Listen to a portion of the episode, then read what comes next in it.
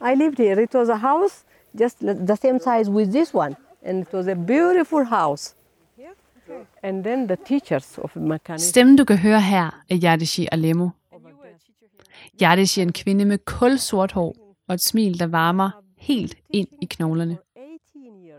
Hun er 62 år, og det du kan høre er, at lige nu er hun i fuld gang med en rundvisning i en fjern fortid. Faktisk er det mig, hun viser rundt, da jeg besøgte hende for to år siden i det sydlige Etiopien. These are the missionaries, the teacher's house. It was missionaries' house before. Yardeshi står i Lenisho. Det er en tropisk og næsten klemt perle. Luften er tør efter lang tid uden regn, og de eneste lyde kommer fra fugle, der kvidrer, og en hest, der græsser ved siden af os uden at løfte blikket. Der er også en flod, der snor sig igennem det let bakkede landskab, og de mange kaktusser fortæller om, at klimaet er lidt varmere end i Danmark. Og Linsjo, det er ikke bare et hvilket som helst sted. Faktisk er det netop det sted i det sydlige Etiopien, hvor de første lutherske kristne slog sig ned for at dele deres tro på Jesus med den muslimske befolkning. De kom fra Danmark, og de rejste med den danske Etiopermission. Men siden da er stedet næsten blevet forladt. De senere missionærer flyttede stedet ind i den nærliggende by Dodola for at komme tættere på de lokale. Og kun et par enkelte lærerhuse, en lille kirke og en skole fortæller om det liv, der forsvandt. Men inden stedet blev forladt, der nåede også danske Grete Seberg og hendes familie at bo i den glemte perle. Der bor hun ikke længere. Faktisk er hun netop flyttet til Jøring efter i mange år at bo i Frederikshavn. Og jeg er taget til Jørgen for at besøge hende. Hej, Hej, det, ser du sådan ud. ja, det gør jeg. Tak. Tusind For jeg vil finde ud af, hvordan det var at droppe ned i en så fremmed kultur som en af de allerførste danskere. Og med et evangelium, som de mange muslimer ikke var vant til at høre. Grete Seberg og hendes mand, de rejste med Promisio, der dengang hed Dansk Etioper Mission. Det er dem, der står bag den her podcast, som er produceret af mig, Annika Tori Weber. Og det, du skal høre nu, er et afsnit i en podcastserie om livsforvandlende møder. Så, jamen, velkommen. Og Tak. der er altså en knageræk bag dig der. Og Grete Sebergs fem år i Etiopien fik netop stor betydning for den, hun er i dag. Er det, ja, det er simpelthen så skønt. Ja. Sådan. Vil komme indenfor der. Tak. Kaffe på katten, som jeg lovede dig. Ja, altså vi skal være i stuen der. Det er sådan en mindre lejlighed. Grete er typen, som jeg kommer til at holde af med det samme. Hun møder mig med et smil og slår om sig med armene, mens hun viser rundt i lejligheden. Morgenbordet er allerede dækket op og har dufter af nybagte boller. Du tager plads der.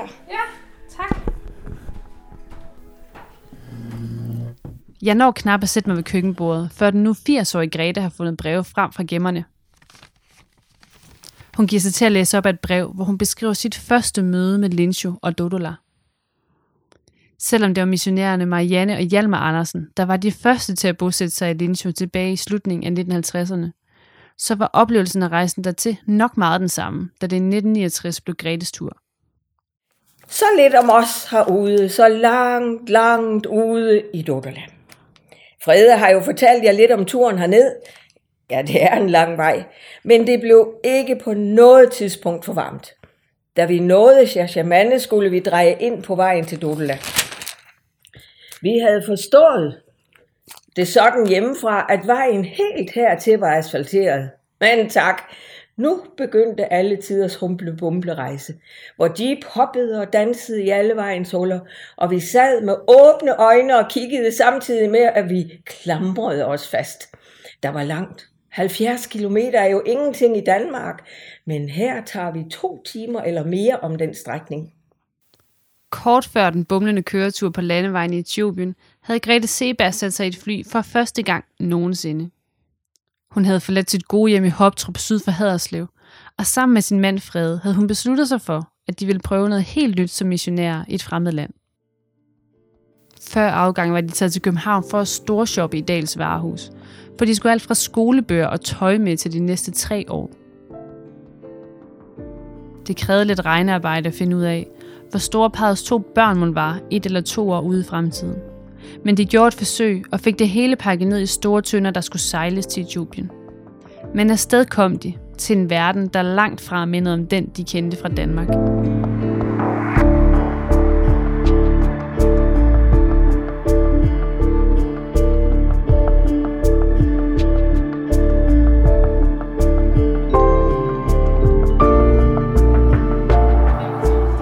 Det var meget primitivt.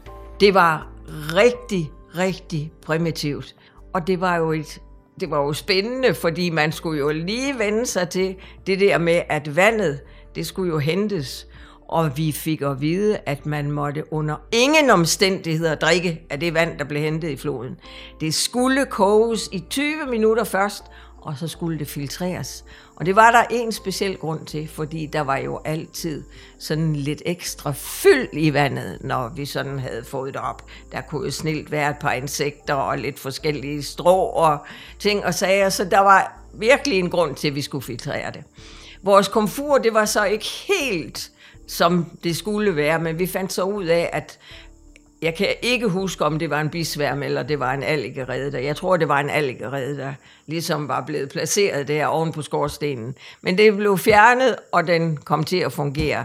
Det, der var måske lidt generende for os, det var, mens vi sad og spiste, for i køkkenet, der havde vi selvfølgelig stråtag, og man kunne jo se lige op i strået. Så når vi fik lidt suppe en gang imellem, så kunne vi være udsat for, at der dumpede noget ned i suppen.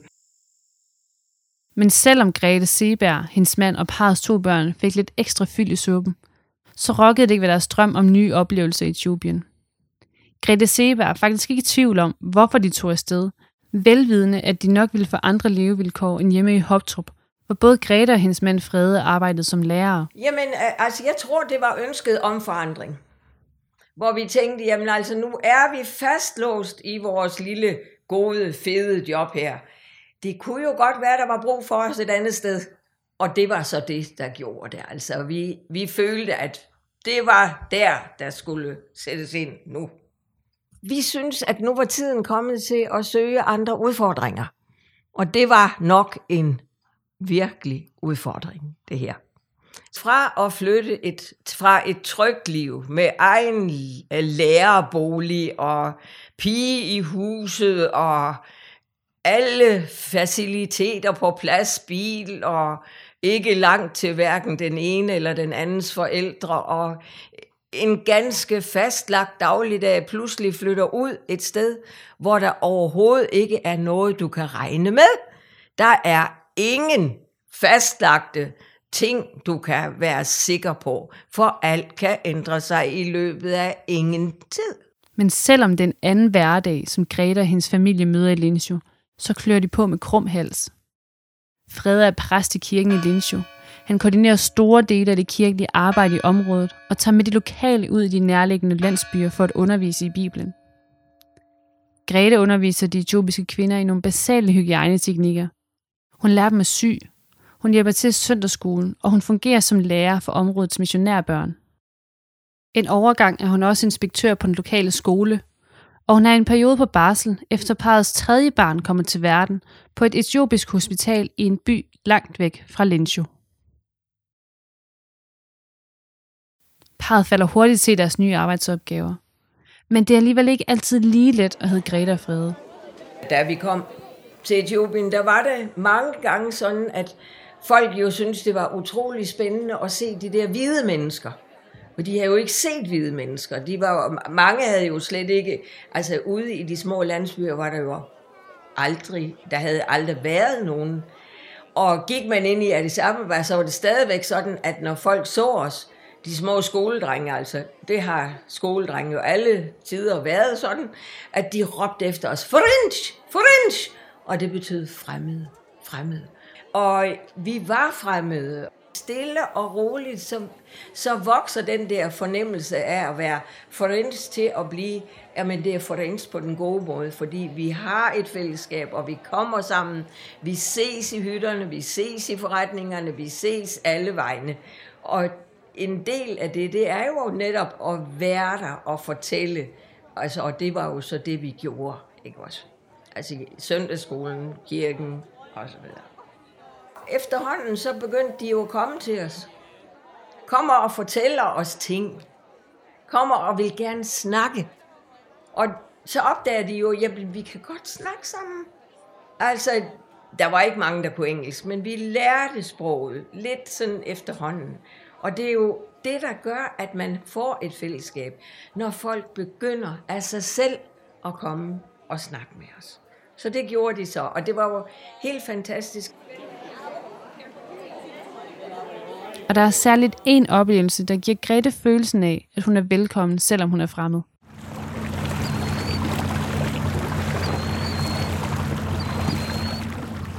Floden, den var jo i regntiden fyldt op, så det var farligt. Der var ingen, der kunne komme over, fordi den var rivende. Det var en bjergflod. Den var iskold og rivende. Men når tørtiden begyndte, så kunne man jo gå den vej og komme ind til Dodela, den vej gå igennem og lige rundt ved compounden. Og vores compound, den gik helt ned til floden, og når vi stod dernede, så kunne vi jo se, når folk begyndte at komme, og vi kunne jo se de der fine, hvidklædte damer med deres paraplyer. De havde paraplyer ikke for, for regnen, men for solen. Det var jo statussymbol. Og så kom de, og når de så os derinde, så var det ligesom om de var Jamen, det var rigtig dejligt, fordi de skyndte sig over floden, og så op til stakittet, og ligesom sige, velkommen her. Det er dejligt at se jer. Vi er glade for, at I er her. Og det var en, en altså de kom og tog, altså det, er, det er sådan en fantastisk måde at hilse på, tog begge, altså tog begge hænder om vores hænder. Det var rigtig, rigtig dejligt altså. Og, og sagde en hel masse på deres vidunderlige orominja fordi det var jo det sprog, de talte, altså. Det kom fra hjertet. Altså, når, når, når nogen er hjertelig imod dig, viser deres varme, så kan du ikke andet end tage imod det og blive rigtig glad indvendigt. Og sådan var det. Jeg kan næsten se det for mig. To vidt forskellige verdener, der mødes på tværs af sprog, hudfarve og måske endda religion fordomme, der smelter, og venskaber, der bliver skabt. Nysgerrigheden, den fortog sig. Fordi de fandt jo ud af, at vi var jo ganske almindelige mennesker, der stod op om morgenen og spiste og gik i seng om aftenen og havde de normale øh, dagligdags øh, procedurer, som, som øh, også de havde. Så efterhånden så var det ligesom om, at nyhedens interesse fortog sig. Så vi var bare en del af samfundet. Vi var hos dem, og vi levede sammen med dem. Sådan var det. Og det er jo meget enkelt. Og, men altså, der var jo en proces, som skulle køres igennem, og det blev den. Men øh, der er jo ikke andet end, at vi endte med at være som dem altså. Og det er ikke bare etiopierne, der gør alt, hvad de kan for at byde de nye velkommen. Grete gør selv alt, hvad hun kan for at blive en del af det lokale fællesskab. Altså sprog har altid betydet utrolig meget for mig. Og jeg har altid elsket at kunne sprog. Så jeg har virkelig gået i clinch med sproget og, og undersøgt sproget og prøvet at snakke med dem. Og, og øh, det gør jeg stadigvæk, så hvis jeg møder etioper, så prøver jeg stadigvæk at henvende mig til dem. Og, og vil også meget gerne her, hvis der er nogen, der kommer og, og vil snakke. Så altså en af de ting, jeg føler er en fantastisk måde at integrere sig på i et samfund, det er at gå hen og lære det lands sprog. For hvis du kan det lands sprog, så kommer du også ind bagved, hvor det er svært at komme ind.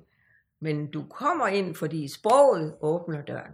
Jeg tror, at, at vi i og med, at vi jo kom tættere og tættere på, var i stand til at give mere og mere af os selv. Og, og i et hvert arbejde må du jo give af dig selv, for ellers er der ikke noget.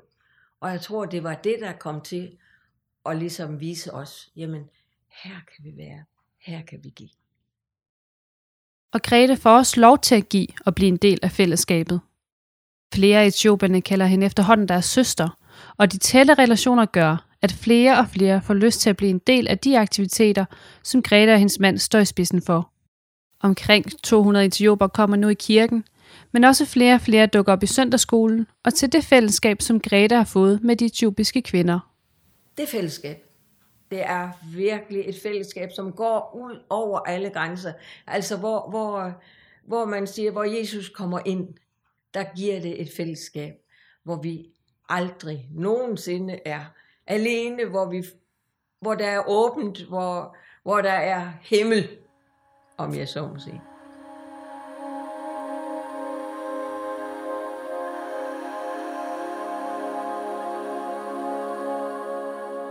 Det er næsten 50 år siden, at Grete forlod Linshu. Og selvom hun kun har været tilbage én gang siden, så er fællesskabet stadig live på tværs af landegrænserne. Og med Gretes ord er det faktisk lige så levende som dengang de boede side om side. To af de jobbe, som Grete var meget sammen med, har ligefrem besøgt hende i Danmark. Og en af dem var Yardeshi, som du mødte i starten af den her podcast. Faktisk er det ikke mere end et par dage siden, at Grete og Yardeshi skrev sammen sidst. Det gør mig virkelig glad. Det gør mig Altså, jeg, jeg føler, det er betydningsfuldt. Altså, det er en gave. Det er simpelthen en gave, at du har kunne være i et land, og du stadigvæk kan have kontakt til nogle mennesker, som du har mødt for længe siden. Den der kontakt, som man får som ganske ung, for vi var jo ikke ret gamle, da vi var derude, og at den kan bevares så mange år efter i det enestående fællesskab, som kristendommen jo er og giver os. Det betyder alt for mig betyder så meget. Mens vi sidder og snakker ved køkkenbordet, har Grete fortalt en masse historier om alt det, der skete i hendes fem år i Etiopien. Men jeg kan ikke lade være med at tænke på, om hun ikke også har savnet dem derhjemme undervejs. Jeg var nok den, der længtes mest hjem. Jeg har virkelig længtes hjem derudefra. Da vi skulle rejse den dag, hvor vi skulle med toget fra Haderslev til København, der fulgte mine forældre os til Kolding.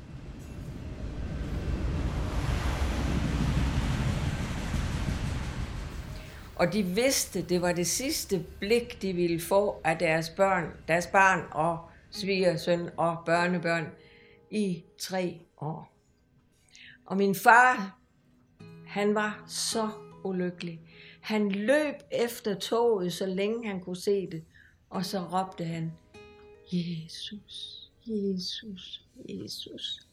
Han påkaldte Jesus, for det var for svært for ham at sende os afsted.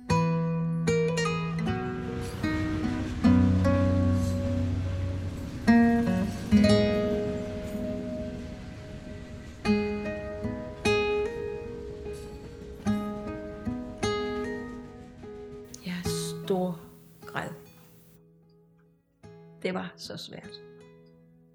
Det var meget, meget svært.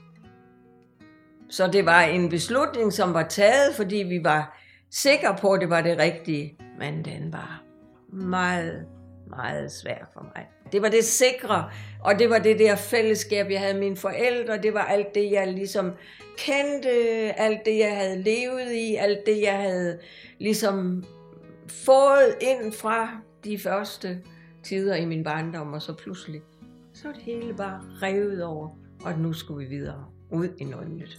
Det kom vi også, og det kom der også noget godt ud af. Der kom jo meget vidunderligt ud af det. Altså, nu siger du, at der kom noget meget vidunderligt. Ja. Hvad var det? Jamen altså, det vidunderlige er jo det fællesskab, du så mærker med de nye mennesker. Og når du så kommer hjem og mærker, at fællesskabet stadigvæk er der med de gamle, så er det, at alt går op i en højere enhed. Ikke? Så alt i alt, så har jeg savnet meget, men jeg har også fået meget.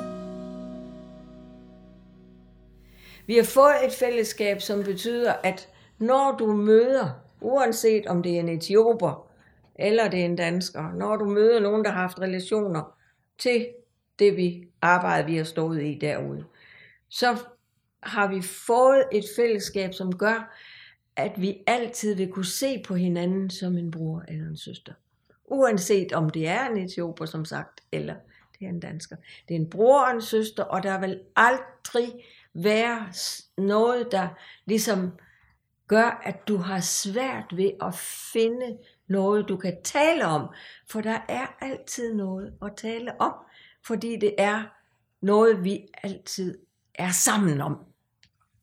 Som du nok kan høre, så har fællesskabet på tværs af kultur og sprog sat sig dybt i Grete Seberg. Derfor er der også særligt én vigtig læring, hun tager med sig fra sin tid i Etiopien. Det, der kommer til at betyde noget, det er, at vi i alle ting altid er opmærksom på, hvordan vi er, hvad vi gør, hvad vi siger.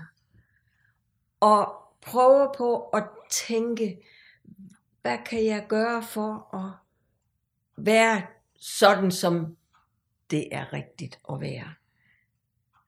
Fordi det har nogle tunge konsekvenser, hvis man opfører sig uden at tænke sig om. Så du er nødt til at være opmærksom på dit liv. Du er nødt til at være opmærksom på de relationer, du har. Du er nødt til at leve i de relationer og være i positive relationer, fordi det er så svært, hvis man skal få oprettet nogle ting, som er gået i stykker. Det er næsten ikke til. Du kan næsten ikke oprette noget igen, som er gået i stykker. Så derfor betyder det så meget, at du passer på, hvordan du lever, at du er den, du er, og er det 100 procent. Jeg vil gerne være mig selv, men altså, jeg vil heller ikke overtrumfe en anden. Jeg vil heller ikke være den, der sidder på en anden. Være den, der ligesom siger, jamen altså, her kommer jeg, og du skal bare rette dig efter mig. Ikke tale om. Altså, vi er der som ligeværdige mennesker, som lever sammen, og som skal prøve på at finde den rette vej sammen. Relationerne fra Gretes tid i Etiopien sidder så dybt i hende, at nu hvor hun igen bor i Danmark, er hendes savn i stedet rettet mod Lincho og det liv og de mennesker, hun delte hverdag med i Etiopien. Det blev jo en del af mig, det land, ikke også fordi det er så vidunderligt, så smukt. Så ville det være dejligt lige at kunne opleve det igen, og lige være der, og så gå hen til de mennesker, som man jo så kom til at holde så meget af. Altså man føler jo deres varme og kærlighed derudefra, ikke også? Altså. Og mens hun siger det, lyser hendes ansigt op i et stort smil. Det minder mig om en anden kvinde, der er lige så vild med Lincho. For mens du har hørt den her podcast, er Hjerteshi blevet færdig med at vise mig rundt. Og jeg spørger hende til sidst, hvorfor hun synes, at Lincho er noget helt særligt. I lived for a long time here and I like it. It's a peaceful place.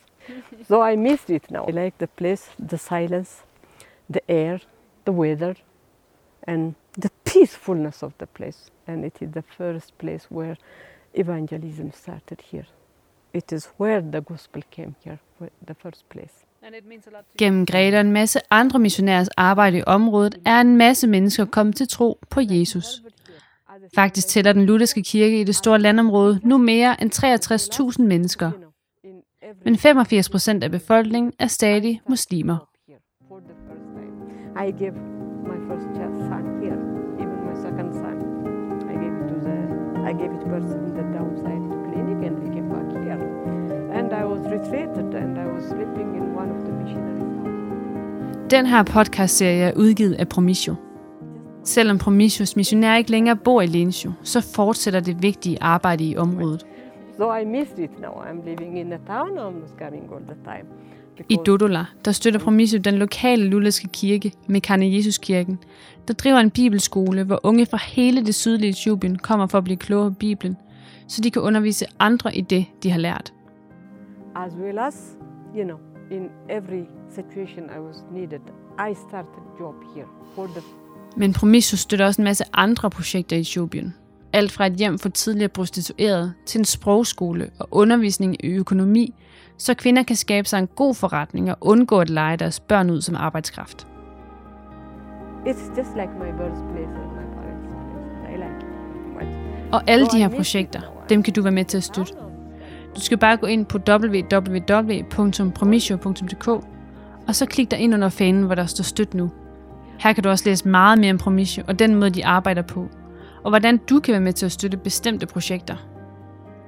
Den her serie er som nævnt udgivet af Promisio, og den er produceret af mig. Mit navn er Annika Tori Weber. Tak, fordi du lyttede med.